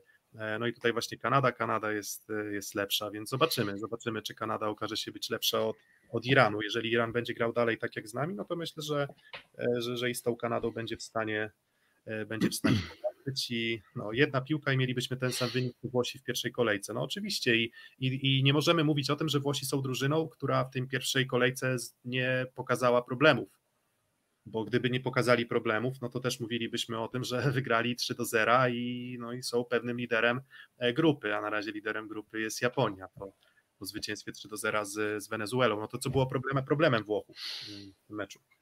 Mm, to myślę, że właśnie granie Gianellego, jakieś takie mam wrażenie spowolnione rozegranie tego gracza. To... Czyli Gianelli i Drzyzga, tak? Czyli drugi. Gianelli i Drzyzga to mogą być najważniejsze postaci tego starcia jutrzejszego o 7.20 bodajże, jak dobrze pamiętam. Czyli że siła, że siła skrzydłowych jest wystarczająca, żeby pomimo dobrego, pomimo słabego rozegrania radzić sobie z blokiem rywala, ale to nie oznacza, że ta gra jako powiedzmy płynność gry, płynność e, ataku, skuteczność, że była na tym poziomie na którym potencjalnie mogłaby być lepszym rozgrywającym. Tak to, tak to rozumiem. No właśnie, no i też jeszcze pytanie, co z Zajcewem i Juan Toreno? Czy to też jakiś jeden słabszy dzień, czy to jest jednak już bardziej na dłuższy dystans problem rozłożony? Bo może się okazać, że są po prostu bez formy, może, bo to w ogóle jeszcze o tym nie mówiliśmy, ale Blędzini przecież zupełnie wywrócił do góry nogami system przygotowań do igrzysk, bo Włosi pojechali do, pojechali, mogli, daleko nie mieli, ale, ale tak, ale nie, nie udali się do, bańce, do bańki w Rimini właśnie w pełnym składzie, czyli tam grali w większości rezerwowi, a ci najważniejsi, właściwie oprócz Micheletto, Galassiego i Sbertoliego, to jednak przygotowali się poza bańką w Rimini. I tak naprawdę nie wiemy, czy Blędzini zrobił dobrze czy źle, jaki to będzie miał wpływ właśnie na te reprezentacje. Chwilę przed startem turnieju olimpijskiego mieli parę sparingów, ale może to niekoniecznie jest to samo. Ja nie jestem w stanie powiedzieć, czy to dobry pomysł Blędziniego, czy niedobry i tu się jeszcze przekonamy, czy, czy może jednak Blędzini zepsuł jakieś przygotowania i stąd ta niedyspozycja Juan Tereny i, i Zajsewa. Dokładnie, no a może, a może po prostu są tu i teraz. E, dobra, teraz, e, bo już to typy nasze na mecz Polska-Włochy, no bo o atutach, no to przede wszystkim, tak jak mówimy, potrzebujemy lepszego rozegrania, tak? Um, i, i, i, potrzebujemy lepszego rozegrania i potrzebujemy wrócić do naszej tej takiej powiedzmy bardzo wkurzającej, upierdliwej siatkówki, gdzie nasz blok przesuwa się automatycznie i blok po prostu obrzydza życie rywalom. Mm, tego nie było i my właśnie jesteśmy drużyną moim zdaniem, która no jednak musi też pokazać trochę atutów defensywnych, tak, bo, bo, bo z jakiegoś powodu może, nie wiem, no my nie będziemy grali aż takiego tempa, jak na przykład Toniutti potrafił grać z Zaksą, dlatego że może Drzyzga nie jest Toniutti, tak, um, i i jeżeli nie jesteśmy w stanie grać na aż takim wysokim poziomie skuteczności, też na przykład przez to, że Drzyzga nie przepada za grą środkiem, no to musimy też przeszkodzić rywalowi w tym, żeby tę skuteczność miał, e, miał wysoką, więc mniej popsutych zagrywek, czujniejsze, lepsze rozpisanie Janeliego i myślę, że jesteśmy, jesteśmy w stanie ten mecz wygrać. No i typy. Ja mam też nadzieję, że nie wiem, Wilfredo, Wilfredo Leon się lepiej strzeli chociażby zagrywką już po tym jednym meczu w Wariaka Areną i arenie i będzie tam w stanie robić liczby w końcu takie jak robił w meczu chyba z Serbami na Lidę Narodów chociażby. No to to się, to się dzieje raz na tysiąc spotkań Leona, więc wiesz. No nie, nie wiemy na co go stać jeszcze. Nie no, okej, okay, to ja, masz rację, rzadko się zdarza takie coś. Tak, ale na pewno, na pewno, ma, na pewno ma rezerwy. A, dobra, i teraz jeszcze z ciekawości spojrzę e, Bukmacherze, co? Nie wiem, czy, czy, czy, czy, czy, przeglądałeś, jak, jak wyglądają. Polacy są wyraźnymi dosyć faworytami i co ciekawe, lecą kursy na Polskę, czyli spadają kursy na Polskę. Dziwne to jest trochę dla mnie. 1,29 Polska, 3,75 Włochy, czyli z było 1,04, czyli tam już w ogóle absolutna przewaga. Mhm. A, no i co? No to wiesz, no jak zagramy swoje, powinniśmy być, e, powinniśmy być faworytami. I ja ciągle wierzę, że to był wypadek przy pracy, ciągle wierzę, że to była kwestia nierozpisania Marufa i wierzę, że już teraz będziemy przygotowani lepiej. Ja uważam, że wygrywamy. A, a w jakim stosunku? No to to raczej nie będzie 3-0, 3-1 mm, lub 3-2. No to 3-1 powiedzmy, tak?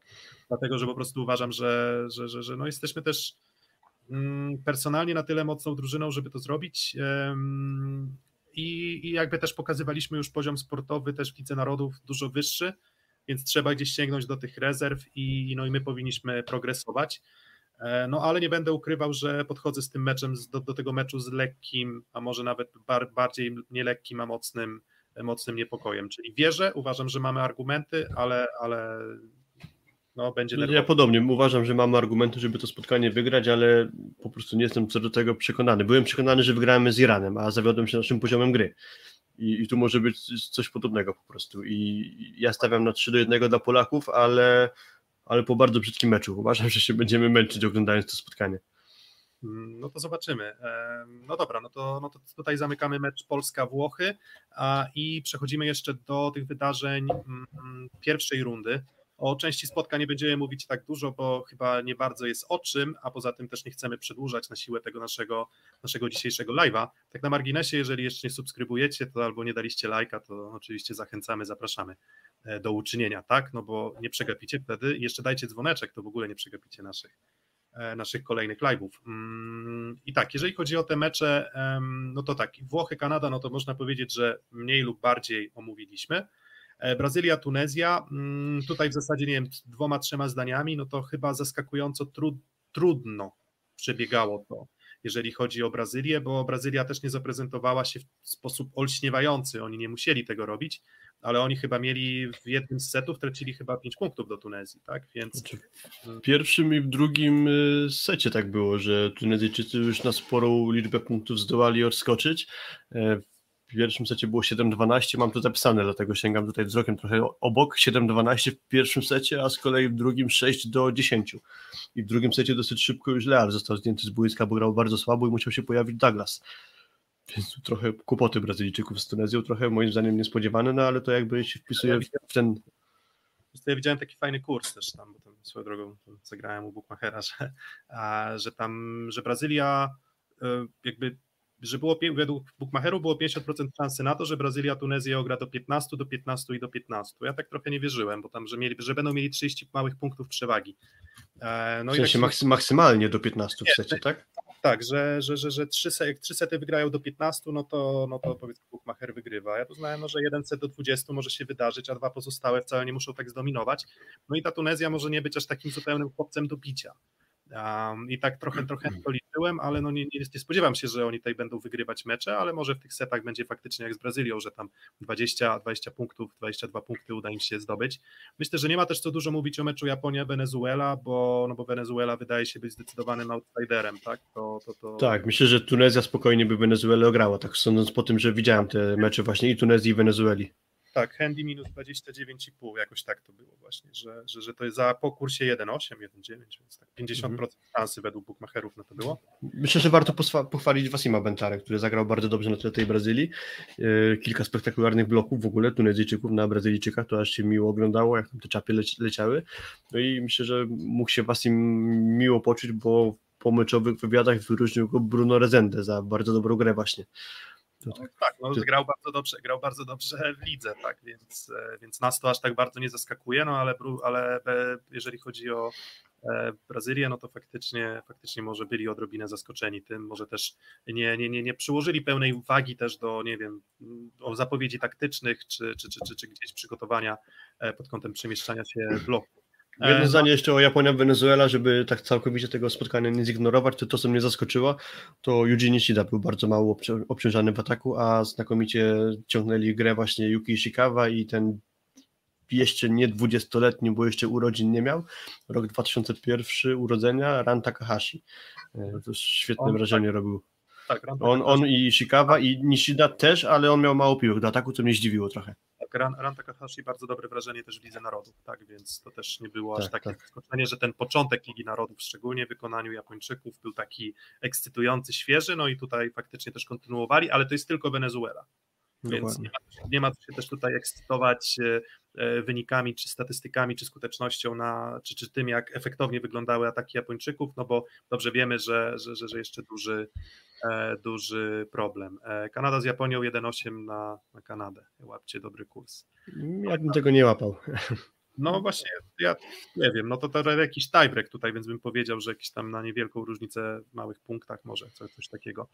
USA-Francja i to jest chyba najważniejszy mecz, o którym chcemy porozmawiać i, i potem oczywiście jeszcze, czy, czy będziemy zapowiadać kolejne mecze, no nie, trochę, chyba trochę już tam czasu na to nie starczy, bo na pewno opowiemy, jakie mecze się odbędą i jakieś powiedzmy nasze... nasze, nasze... Jakieś nasze typy powiedzmy, ale na dłuższą dyskusję pewnie już nie znajdziemy na to czasu, bo, bo... też nie chcemy, żeby to trwało wiele godzin. Dokładnie. Ale jakby z biegiem turnieju będzie jeszcze okazja porozmawiać o tych innych zespołach grupy B trochę szerzej, tak jak dzisiaj, nie wiem, może pogadamy dłużej o Francji właśnie i, i o USA. Dobra, USA, Francja. E, kto był w szoku? Łapka w górę na czacie. Kto, kogo, kogo, kogo to zaskoczyło? to ja, ja, ja tutaj pomagam. Tutaj, tutaj, tutaj, tutaj, no właśnie. No srogie walcowanie trzeba przyznać. Tak, srogie, srogie walcowanie. Nie spodziewaliśmy się tego, że reprezentacja Stanu będzie tak dobrze przygotowana do pierwszego meczu, a tutaj szok, szok i niedowierzanie, bo USA zdemolowała Francję i to nawet nie, był, nie było 3 do 1, to nawet nie były wyrównane sety. Tutaj do 18, do 18, do 22 nie. Właściwie od samego początku każdy z partii jasne było, kto tam będzie tym goniącym, czyli goniący byli Francuzi, bo już od samego początku Amerykanie odskakiwali. Tak, od um, USA, USA, Francja. Um, no co, no świetnie, to co, no jak to wyglądało? No wyglądało tak, że Amerykanie, um, mam wrażenie, że taką trochę brutalną siłą fizyczną rozbili Francuzów. Bardzo mi przypominali swoim stylem gry to, co było na mundialu w 2018 roku, czyli olbrzymia właśnie siła, presja z zagrywki, zagrywki z wyskoku i Francuzi po prostu zostali stłamszeni taką bardzo ofensywną amerykańską grą. Tak, no tak, wystarczy powiedzieć, że no, doskonała um, efektywność Taylora, Taylora Sandera, doskonała efektywność Matthew Andersona, może nieco, nieco gorszy w tym obszarze był Tori De Falco, ale e, on też był takim, myślę, dobrym spoiwem tej całej drużyny. E, w zasadzie każdy z zawodników e, reprezentacji Stanów i jako cała drużyna wyglądali fenomenalnie w ataku. I nie wiem, czy to do końca wynikało z tego, że Francuzi nie byli w stanie ich złamać zagrywką, bo, bo, bo nie byli w stanie, bo oni w zasadzie no to trzy asy zaserwowane przez cały, e, przez cały mecz, ale jednocześnie też mm, jakąś taką dużą łatwość e, radzenia sobie w tych nieco trudniejszych sytuacjach mieli Amerykanie i to wszystko imponowało. Mała gwiazdka tutaj, mały haczyk jest taki, że no pytanie, czy USA już tu i teraz powinno prezentować się prezentować się mm, najlepiej. Tak, bo, no właśnie, bo to taki wyjątek od y, tego, że wszyscy właściwie faworyci zaprezentowali się dosyć kiepsko, czyli tak jak my pisaliśmy w tych naszych zapowiedziach tego odcinka, że rywale z trybem w, z, z trybem w piachu, z piachem w trybie, czyli tak dosyć niebrawo, no bo i ta Brazylia się męczyła z Tunezją i Polacy nie wyglądali dobrze z Iranem e, i z Argentyną też. I, to... Tak, i Rosja właśnie zaczęła od porażki premierowej partii z Argentyną, dopiero chyba drugiego seta wygrali raptem dwoma punktami, dwa kolejne już dosyć y, łatwo, no ale ogólny trend jest taki, że rywale póki co nie są na swojej w swojej optymalnej dyspozycji, a właśnie Amerykanie oczarowali i, i pytanie jak to będzie na dłuższym tutaj już dystansie. No tak, no, mm. wiesz, bo tutaj można byłoby jakieś też, nie wiem, wnioski wyciągać, ale co, no potwierdziło się też to, że no, że Błaje jest trochę takim zero-jedynkowym jeźdźcem bez głowy, tak, bo, bo, bo on niby skończył sporo, ale, ale jednocześnie popełnia też sporo błędów. Um, I jakby nawet nie chodzi o to, że, że, że, że Francuzi źle wyglądali, jeśli chodzi o jakąś tam swoją skuteczność indywidualną, ale tutaj wchodzi ten wskaźnik właśnie efektywności ataku. Jeżeli chodzi o efektywność, to właśnie gdzieś ta liczba błędów, liczba zablokowanych ataków, to wszystko, e, to wszystko powodowało, że Amerykanie odjeżdżali, tak? No bo to jednak łatwiej Amerykanom po prostu było robić breakpointy na Francji. E, no tak, no w zasadzie jedyną wątpliwością w tym momencie co do Stanów, bo było ich bardzo dużo, ale teraz wątpliwością jest to, czy to nie jest za wcześnie czy nie jest za szybko. Mm, bardzo często było tak w historii Igrzysk też, że drużyny, które dobrze zaczynały, źle kończyły. Czyli drużyny, które na początku wyglądały imponująco, kończyły, e, kończyły szybko. Mm, ale jako całokształt, jeżeli mielibyśmy oceniać jednostki, to Sander wyglądał dobrze, Anderson wyglądał dobrze, no i te dwie postaci były niezbędne Stanom, żeby wskoczyć na wyższy poziom w porównaniu do Ligi Narodów, no i jak na razie wygląda na to, że, mm, że są dobrze przygotowani i oni będą ten poziom Stanów na pewno windować i na pewno będą, na pewno sprawiają, że jest, jest to drużyna lepsza. Mhm.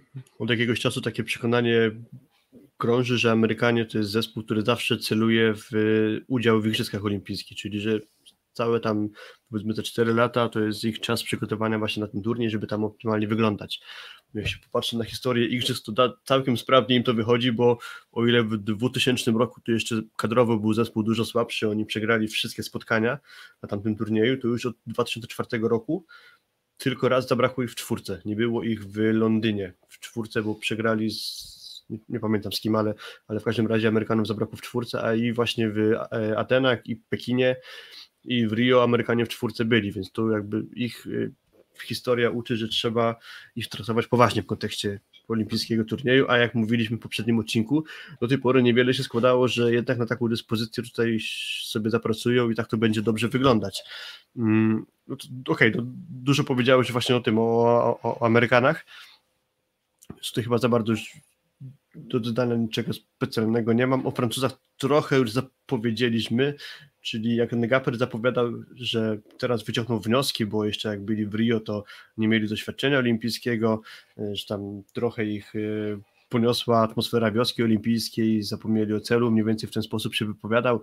Tam jeszcze Pascal Foussard, czyli e, kierownik zespołu, mówił coś w stylu, że w Rio oni byli jak odkrywcy, którzy przyszli do jakiegoś Disneylandu, no to okej, okay, to to jakby jako wyjaśnienie katastrofy w Rio, no ale przychodzi już kolejny turniej olimpijski, część tych graczy w Rio była i historia się właściwie powtarza, bo na start olimpijskiego turnieju w Rio Francuzi przegrali z Włochami 0 do 3, zostali srogo zbici, teraz zostali srogo zbici przez Amerykanów, również 0 do 3. I coś ciekawe, oba te turnieje łączy to, że na koniec fazy grupowej zagrają z Brazylią, więc jeszcze jakaś tam jedna wpadka Francji teraz mają z kim przegrać, bo to jest jeszcze Rosja chociażby. No i na koniec będzie jeszcze czekała ta Brazylia, która już powinna się na tamten czas rozkręcić, więc na razie ta porażka z Amerykanami bardzo źle wróży w kontekście ewentualnego awansu nawet z grupy. Tak, ale, ale myślę, że poczekajmy, tak? E, poczekajmy, bo to jest wszystko pierwsza kolejka.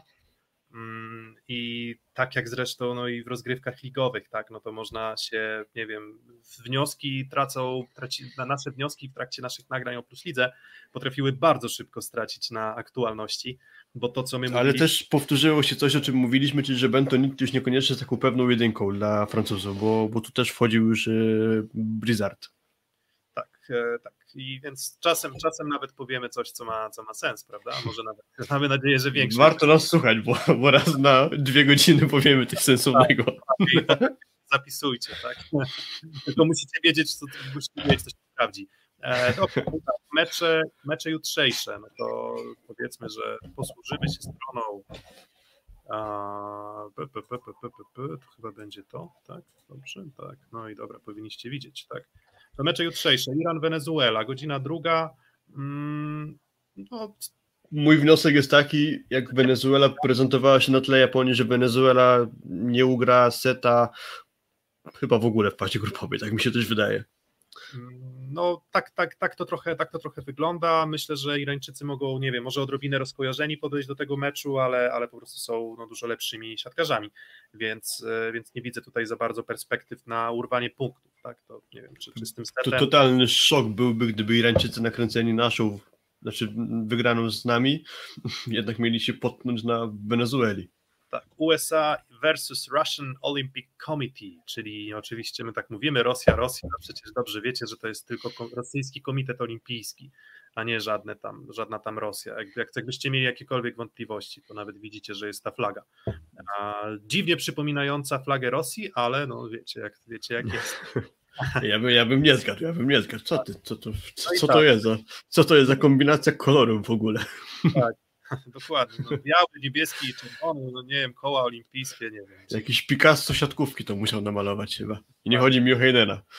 No i tak, i gdybyśmy się posiłkowali tylko tym meczem z pierwszej, mecz, meczami z pierwszej rundy, mm, no to Rosjanie mnie absolutnie nie przekonali, a Amerykanie mnie absolutnie przekonali, ale myślę, że to nie jest takie łatwe. W sensie, ja znaczy, nie wiem, ja chyba nie, nie wiem, wstajecie na ten mecz, będziecie oglądać, ja nie wiem, no bo jutro do, jutro do pracy, ale no myślę, że to może być mecz bardzo, e, bardzo wartościowy i taki e, na, na wysokim poziomie też emocjonalnym, zresztą te mecze USA-Rosja jakoś z uwagi też, nie wiem, historię zimnowojenną, mm, gdzieś tam też rywalizacji USA Związku Radzieckiego, one wszystkie zazwyczaj były podlane takim no, mocnym sosem emocji i takiego napięcia w zasadzie od początku do końca. Mm, to jest tylko faza grupowa, ale ten mecz może trochę odpowiedzieć nam na pytanie, mm, która z tych drużyn zakończy grupę wyżej.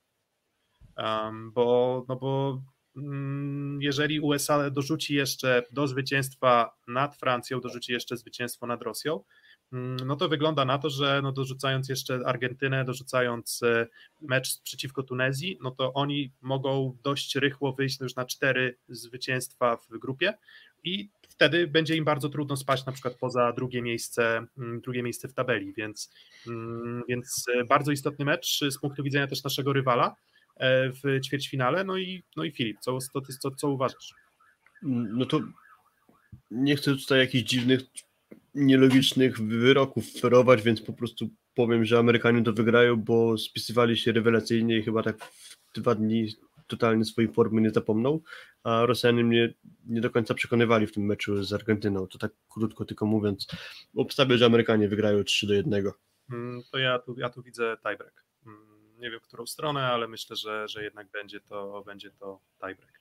Czyli wydaje mi się, że Rosjanie są jednak troszeczkę twardszą i E, drużyną niż, niż, niż Francuzi, w sensie, że, że, że, że będą w stanie wytrzymać gdzieś ten twardy napór, e, napór Stanów. Mm, no i, no i myślę, że, że, że, że, że dlatego właśnie widzę tutaj tiebreak, ale, ale jeżeli chodzi o taką dłuższą, szerszą analizę, no to, to po prostu też nie bardzo mamy na czym się opierać, ale zgadzam się z Tobą, że gdybym miał brać pod uwagę to, że Rosja zagrała tak sobie w pierwszym meczu, a USA bardzo dobrze w pierwszym meczu, ale czuję tutaj, że będzie mecz dużo bardziej wyrównany niż, niż nam się wydaje.